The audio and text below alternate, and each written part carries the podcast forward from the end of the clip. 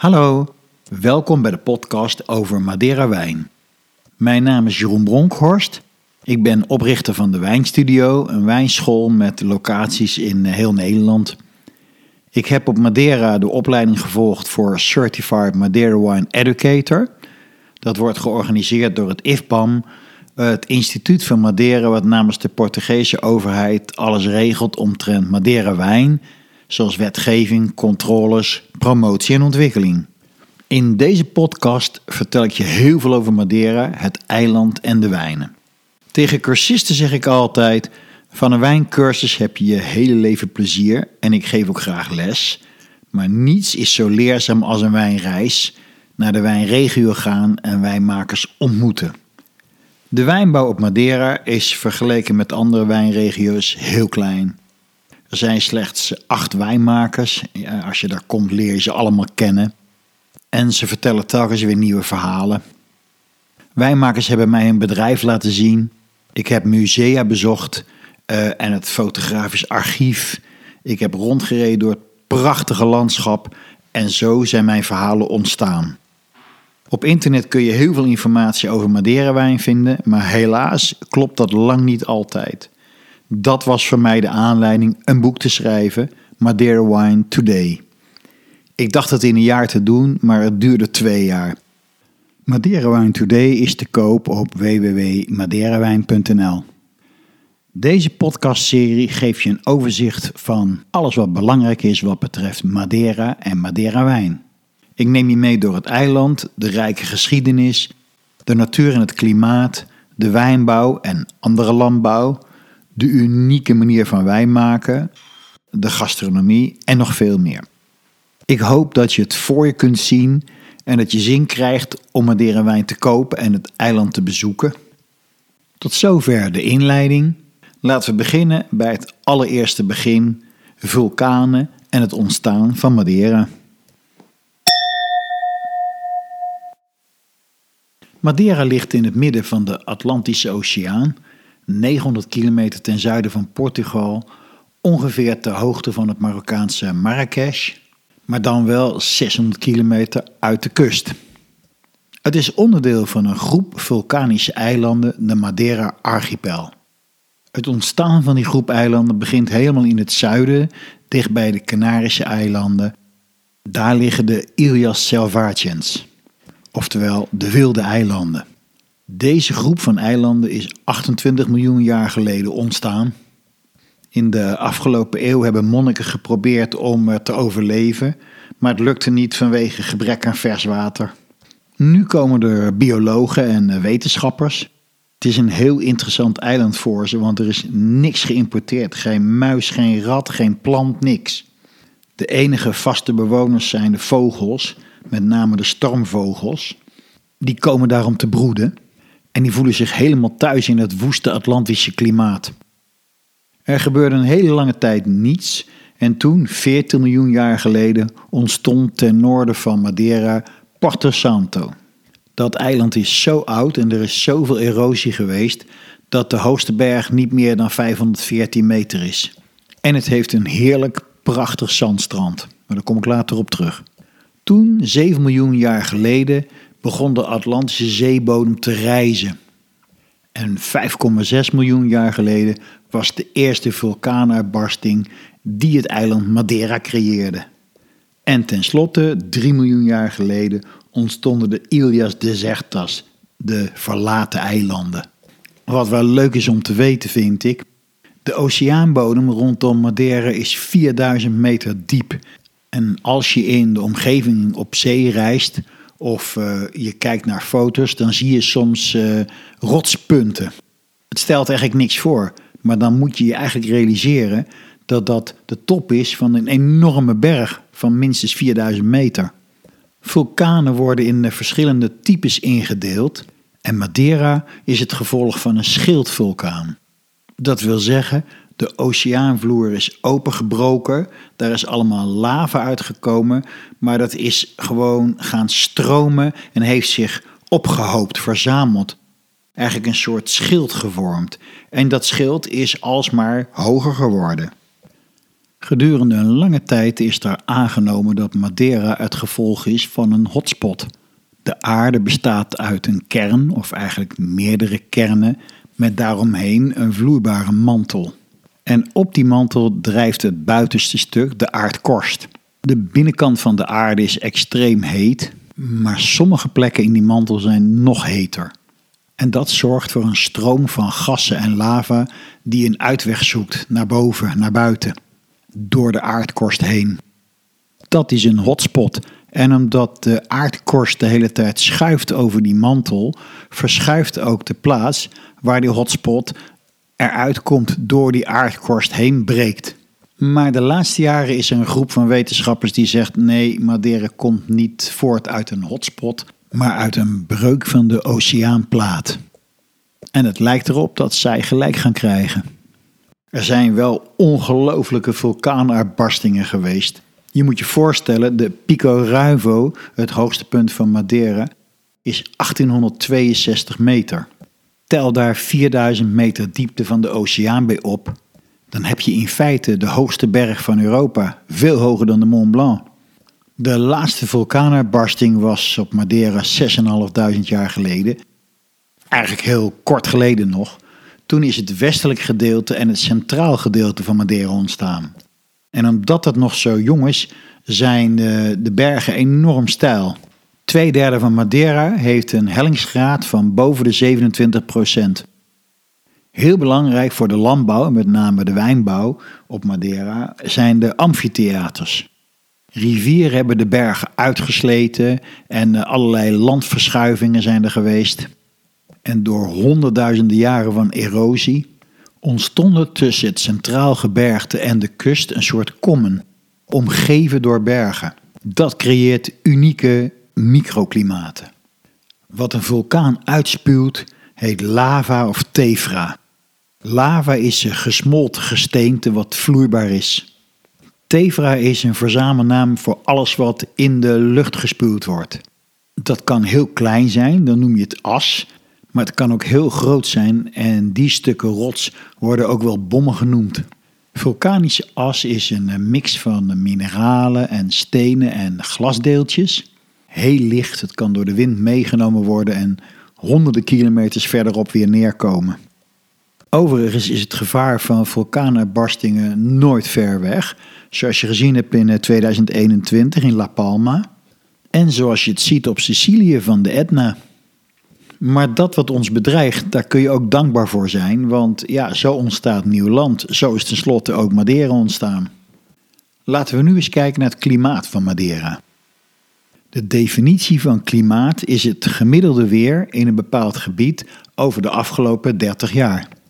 Macroklimaat gaat over een regio, terwijl microklimaat in het geval van druiventeelt eigenlijk alleen gaat over de invloed van het weer op de druivenstok en de druif. Maar de term microklimaat wordt door mensen ook wel gebruikt om de weersinvloeden aan te geven op een wijngaard. Madeira heeft een heel uniek klimaat. Het ligt op de 32e breedtegraad, dus je mag verwachten dat het uh, goed warm is. Maar het ligt midden in de oceaan, dat tempert een heleboel. Zozeer zelfs dat het verschil in dag- en nachttemperatuur meestal niet meer dan 4 graden is. De berichten op eh, internet over het weer op Madeira geeft een beetje een vertekend beeld. Want dat gaat altijd over Funchal in het zuiden. En dat is eigenlijk uh, ja, de warmste plek van Madeira. Als je in de winter de bergen in zou trekken, wat eigenlijk niemand doet, ja, dan kom je uiteindelijk gewoon bij vorst uit en sneeuw. Maar alles bij elkaar is het klimaat heel gelijkmatig. In Funchal is het in de zomer gemiddeld 26 graden en in de winter gemiddeld 19 graden. Eigenlijk zijn de mensen op Madeira enorm verwend, of je zou kunnen zeggen, ze zijn weinig gewend. Want ik heb mensen horen praten over een hele hete zomer. Toen werd het maar liefst 30 graden en dat noemden ze een heatwave. En die hele enkele keer dat de temperatuur zakt tot 10 graden in de winter, zeggen ze it's freezing cold. De oceaanstromingen en eh, de windtypes bepalen voornamelijk het klimaat. In het noorden blaast de tradewind van oost naar west, een koele wind. Maar met een gemiddelde windsnelheid van 20 km per uur was het vroeger een enorm fijne wind om uh, te kunnen zeilen richting Amerika. En hij blaast bijna het hele jaar door. In het zuiden heb je de leste, de oostenwind. Die komt uh, vanaf de Sahara. Nou, dat is natuurlijk een hele warme wind. En het centraal gebergte in het midden van Madeira houdt die twee gescheiden. Dan heb je nog eh, de warme golfstroom, die komt vanuit Mexico. En een warme stroom vanuit de Canarische eilanden. Het oceaanwater is er eigenlijk best wel lekker. In eh, januari is het 17 graden, maar in augustus is het zelfs 22 graden. Er zijn geen natuurlijke zandstranden in Madeira. Het zijn allemaal van die zwarte kiezelstranden. Maar je kunt eigenlijk heerlijk zwemmen in de oceaan. In het noorden van Madeira heb je heel veel mist. Maar ik vind het zelf heel mooi. Het is heel anders dan in Nederland. Bij ons heb je gewoon dagenlang zo'n hele dikke, grijze, deprimerende deken. Maar op Madeira zijn het grote witte wolken die gewoon over het land trekken en weer weggeblazen worden. Dus het is regelmatig ook weer heel blauw. Dankzij dat bijzondere gelijkmatige klimaat wordt Madeira ook wel het bloemeneiland genoemd. En zeer terecht, want er bloeien bloemen het hele jaar door. En de bekendste, ook een hele mooie vind ik, is de paradijsbloem. Je kent hem wel.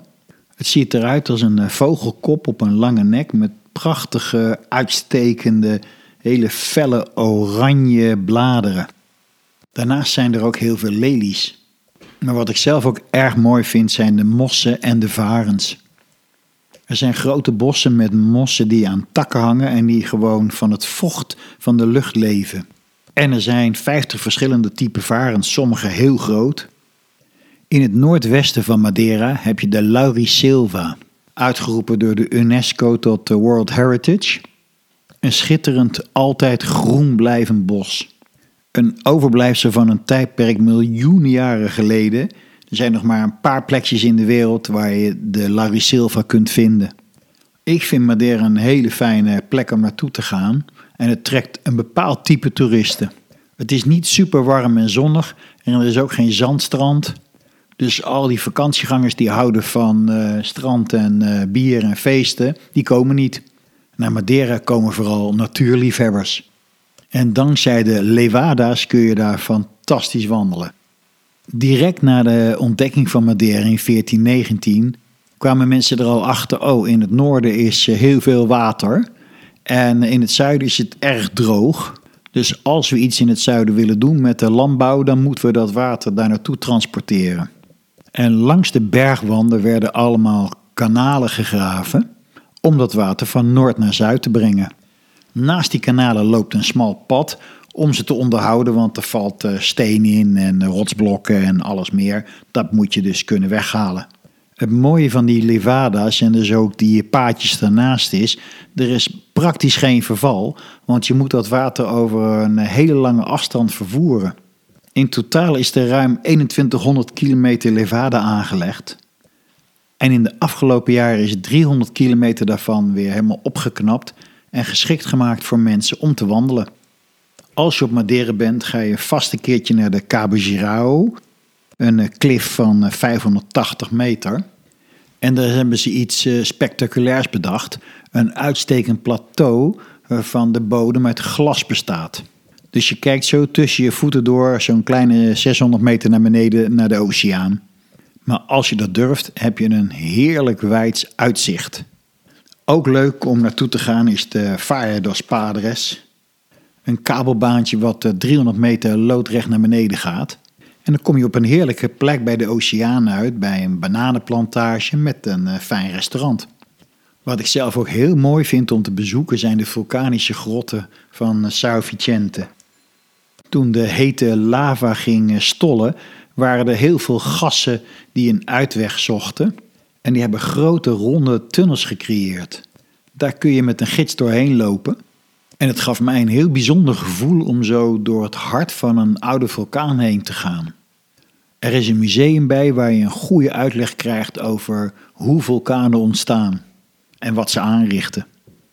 De natuurlijke zwembaden in het noorden van Madeira, Porto zijn ook een hele fijne plek om te zijn. Ze liggen in de Atlantische Oceaan. Behalve natuur is er ook cultuur om te ervaren, zoals het Bloemenfestival. Er wordt heel veel prachtig fruit aangeboden op Madeira. Van het eiland zelf, maar ook vanuit Afrika. Ik wil je ook een klein verhaaltje vertellen over iets wat ik meegemaakt heb. We waren er met oudjaar en ik vond het eigenlijk wel jammer dat ik het uh, vuurwerk van Den Haag uh, niet meemaakte. Maar s'avonds kwam iemand in het hotel naar ons toe en die vroeg: uh, Willen jullie kaartjes voor de bus? Dat bleek de bus naar het vuurwerk te zijn. Nou, dachten we, laten we dat dan maar doen. De bus reed naar de haven van Funchal en daar waren al duizenden mensen. En nu weet ik dat je voor de beste plekjes al maanden van tevoren moet reserveren. Daar barstte om 12 uur een gigantisch mooi vuurwerk los. Op allerlei plekken tegelijk schitterende vuurpijlen. Het duurt 10 minuten en in de laatste 2 minuten houden de vuurpijlen op en is er alleen nog maar een soort bombardement. Alsof de wereld vergaat. Je vergeet het je leven niet meer. En wat blijkt? Het vuurwerk van Madeira is opgenomen in het Guinness Record Book als het grootste vuurwerk van de wereld. Nog een reden om te komen is dat je er gewoon heel lekker kan eten. Maar daar kom ik nog op terug. En hiermee sluit ik deze podcast af over het eiland Madeira. Het volgende deel gaat over de historie van Madeira. Boek schreef over Madeira had ik het eigenlijk nooit gedacht. Toen ik het boek schreef over Madeira had ik het eigenlijk nooit gedacht. Maar gaandeweg, toen ik me ging eh, verdiepen in de historie van Madeira, ontdekte ik hoe rijk en interessant dat is. Het zijn echt verhalen die ook gaan over een tijd waarin de wereld ontdekt werd. En Madeira was het knooppunt van de wereldhandel. Dus ik nodig je uit. Ga mee op reis in de volgende podcast. Historie van Madeira.